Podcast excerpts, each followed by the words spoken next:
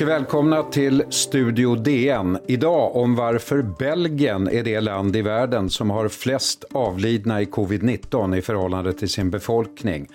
Och hur Europas länder i övrigt resonerar om dödstal och smittspridning.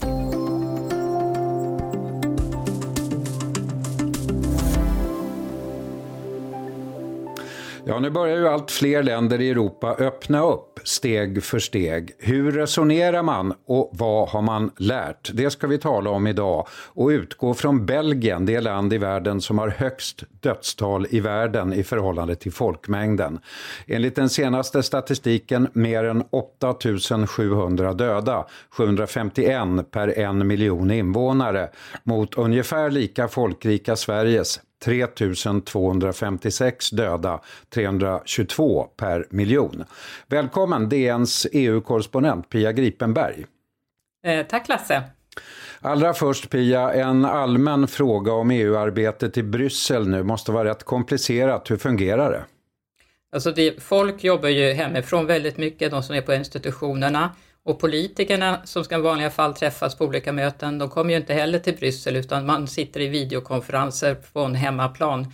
Så det blir ju ett ganska komplicerat eh, sätt att fatta beslut eftersom EU bygger på att man möts, mm. förhandlar, gör upp saker i korridorer. Men det är mycket svårare just nu. Tycker du, känns det för dig som rutinerad eh, korre, arbetar EU som EU borde just nu? Alltså då, det är en stor brist att man inte kan mötas fysiskt. Det märks i arbetet, det tar liksom längre tid. Saker är inte riktigt förankrade liksom på olika håll. Att, ja, kommissionen föreslår en sak och sen borde de kanske ha, ha redogjort liksom bättre med medlemsländerna för att det inte ska bara gå i stå. Så att sådana saker märks det att det är, det är inte samma olja i maskineriet, det är lite grus som har kommit in. Mm. Men eh, Belgien, där ju då EU för det mesta finns i Bryssel, eh, börjar alltså nu upp, öppna upp trots de höga dödstalen. Hur går det till? Alltså det, man har sagt det att de ska ha väldigt bra testning. Man ska följa vad som händer när man gradvis lättar på att butiker öppnar, att skolor öppnar, att man får umgås fler och fler utomhus med varandra.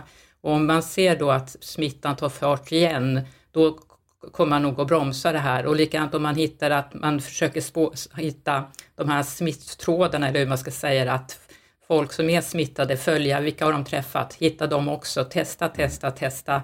Och om man har då bra ordning på testningen, då vågar man öppna gradvis, för då har man kontroll över vad som händer i samhället. Ja, för där är ju verkligen en, en, nyckelfråga för Belgien, varför det är så många döda just där. Det har ju talats uh, om de här 150 superspridarna, vad är det för något? Så man kan säga så här, när, vecka 9 när det var sportlov i Stockholm bland annat, och många drog till Alperna, då var det samtidigt det här karnevalslovet i Belgien. Där var det också många som åkte till Alperna eller någon annan sak. Men då har då en, en hela landet har ledigt, det är karnevaler, folk åker utomlands, och efter två veckor så hittade man att på 150 stycken ställen så bara började sprida sig den här smittan samtidigt. Och det är det man pratar om, de här 150 superspridarna. Att det började, alltså landet kände att vi håller på att tappa kontrollen. Mm. Det finns på för många ställen i hela landet och vi har inte kontroll vad det är. Och det är då man fattar de här väldigt drastiska besluten om att stänga skolor, stänga butiker och att folk bara fick umgås två och två utomhus. Mm. Du eh, har ju då intervjuat Belgiens motsvarighet till Anders Tegnell, virologen Steven van Gorst, belgiska regeringens talesperson. Så här säger han om Belgien kontra Sverige. You cannot compare Sweden with Belgium or mm. Belgium with Austria mm. because every country was hit in a different way. Mm. Maybe in Sweden you also got a lot of introductions, but still it was less. So it wasn't necessary, you know, to to uh, shut down as much activities as as we did. I can't tell you with certainty. Was it necessary to close the schools? Maybe not. Maybe yes. We don't know. We will never really know. Ja, det är ingen direkt tvärsäker Van Gust det här, eh, Pia. Nej, men han pekar just på det här att man, höll, man kände att man höll på att tappa kontrollen. Mm. Och då gjorde man de här drastiska åtgärderna därför att förmodligen för att inom väldigt, vi måste snabbt besluta hur vi ska göra nu när vi håller på att tappa kontrollen. Och då fick man en politisk enighet i Belgien som är ganska politiskt splittrat land att det här är den vägen vi måste gå. Snabbt stänga ner Och man såg ju också vad hade hänt i Italien, vad hade hänt i Frankrike? Kommer man få en lika desperat situation på sina egna sjukhus och i äldrevården? Så att man, ja, det var helt enkelt så man gjorde. Och om man gjorde rätt eller inte, ja, som sagt, det får mm. väl när framtiden utvisa så småningom. Men är de pressade av siffrorna som du uppfattar det? Men till och med Donald Trump har ju använt det här Belgien och att eh, det, det går dåligt och, och så vidare. Jag tror man har varit pressade därför att det, det var liksom periodvis liksom antalet fall fördubblades var tredje dag och så vidare. Då är det klart att det blir ett väldigt pressat läge. Ska intensivvårdsplatser räcka till och så vidare? Men när jag pratar med honom så känns det ändå som att nej men vi, nu, vi har kontroll, vi har en väl utbyggd sjukvård, vi klarar, kommer att klara att vårda alla patienter som behöver ha intensivvård.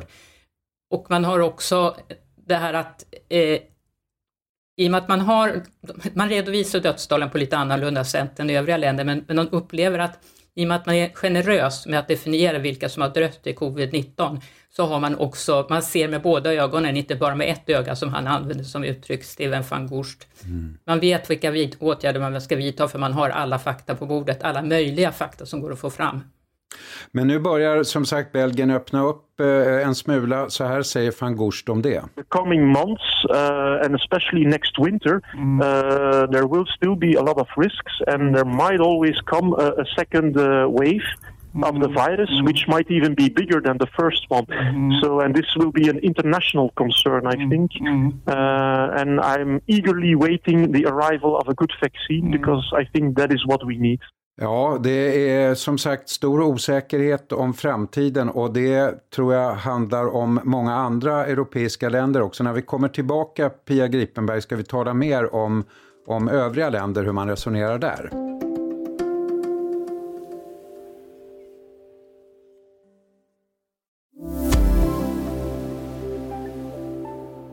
Ja, eh, Pia Gripenberg, EU-reporter EU ska ju, kan man tycka, hantera sådana här stora kriser gemensamt, men det känns inte riktigt som man gör det nu. Finns det någonting EU-gemensamt överhuvudtaget i hanteringen av covid-19-krisen? Jag tycker man har varit ganska duktig på att samordna flygtransporterna. Att länderna har anmält att vi har medborgare här och här som vill komma hem. Vi har de här flygplanen som vi skickar dit och dit. Där har EU-samordningen liksom fungerat. Där har man liksom polat resurserna så att man vet att på den här, om det är då Gambia, Sydafrika, Peru eller vad det kan vara, att man vet hur många medborgare finns det som vill komma hem till sina olika EU-länder. Där tycker jag EU-samarbetet har fungerat så att man har liksom utnyttjat de här flygplanen på bästa sätt. Men i övrigt så, så skiljer det sig ganska markant åt mellan många länder, inte sant? Ja, så är det. Att, eh, länderna har ju hållit på sina egna resurser. Man har ju varit ganska ovillig att bidra till att hjälpa andra länder, speciellt Italien då i början. Nu har det blivit bättre och nu är det till exempel så att tyska sjukhus tar emot patienter från Frankrike. Det skickas eh, skyddsutrustning från eh, Österrike till Italien. Nu hjälps man åt på ett annat sätt, men i inledningsskedet, då, då var ju alla länder verkar ju vara livrädda. Kommer våra resurser att räcka till? Nej, vi är inte säkra, så vi, gör, vi, liksom, vi säger nej till hjälp till andra. Och, och så inledningsfasen, då, då var brast ju solidariteten. Och Sverige har väl inte direkt varit något föredöme heller eh, med att, att hjälpa andra länder? Nej, det har de ju inte, vi inte varit. Alltså, med, på flygsidan har vi varit eh, bidraget, men som sagt, vi har inte skickat eh, olika typer av skyddsutrustning till andra länder. Och vad jag vet har vi, eh, det finns också ett visst eh, patientsamarbete i norra Sverige vet jag i förhållande till Finland. Mm. Får Sverige kritik rent allmänt eh, som du uppfattar? Ja, det, det är ju många som har höjt på ögonbrynen över den svenska ganska egna linjen överhuvudtaget i hanteringen av allt. Ja, och det är där Sverige sticker ut, att det är ju många som tittar på Sverige och undrar vad, vad vi egentligen håller på med här uppe. Och samtidigt är det, om man tittar på dödstalen i kontinentaleuropa så ser det ju rätt bra ut i Sverige. Men jämför man Sverige med övriga Norden så ser det ju inte alls lika bra ut. Så att det är Sveriges linje sticker ut och det, alltså den har uppmärksammats överallt skulle jag vilja säga. Man tittar på olika mm. sajter att det liksom, så här gör man i Sverige. Varför väljer Sverige den här vägen? Det, det är väldigt uppmärksammat. Här har ju till exempel den förre statsepidemiologen Johan Giesecke sagt att alla kommer att få ungefär samma dödssiffror så småningom. om något år, ett par år. Vad säger de olika länderna om det? Har, har du sett någonting där? Alltså jag vet att han har varit intervjuad till exempel i, i, brittiska medier om det här, men däremot, det jag tror, den debatten har inte riktigt börjat skulle jag vilja säga i de här stora länderna, man tittar på Tyskland, Frankrike, Spanien, Italien. De är så mitt uppe fortfarande i den kris som är och framförallt den politiska diskussionen, hur ska vi börja öppna länderna igen? Där ligger de stora diskussionerna mellan eh, oppositionspartier och regering och mellan regioner och huvudstad.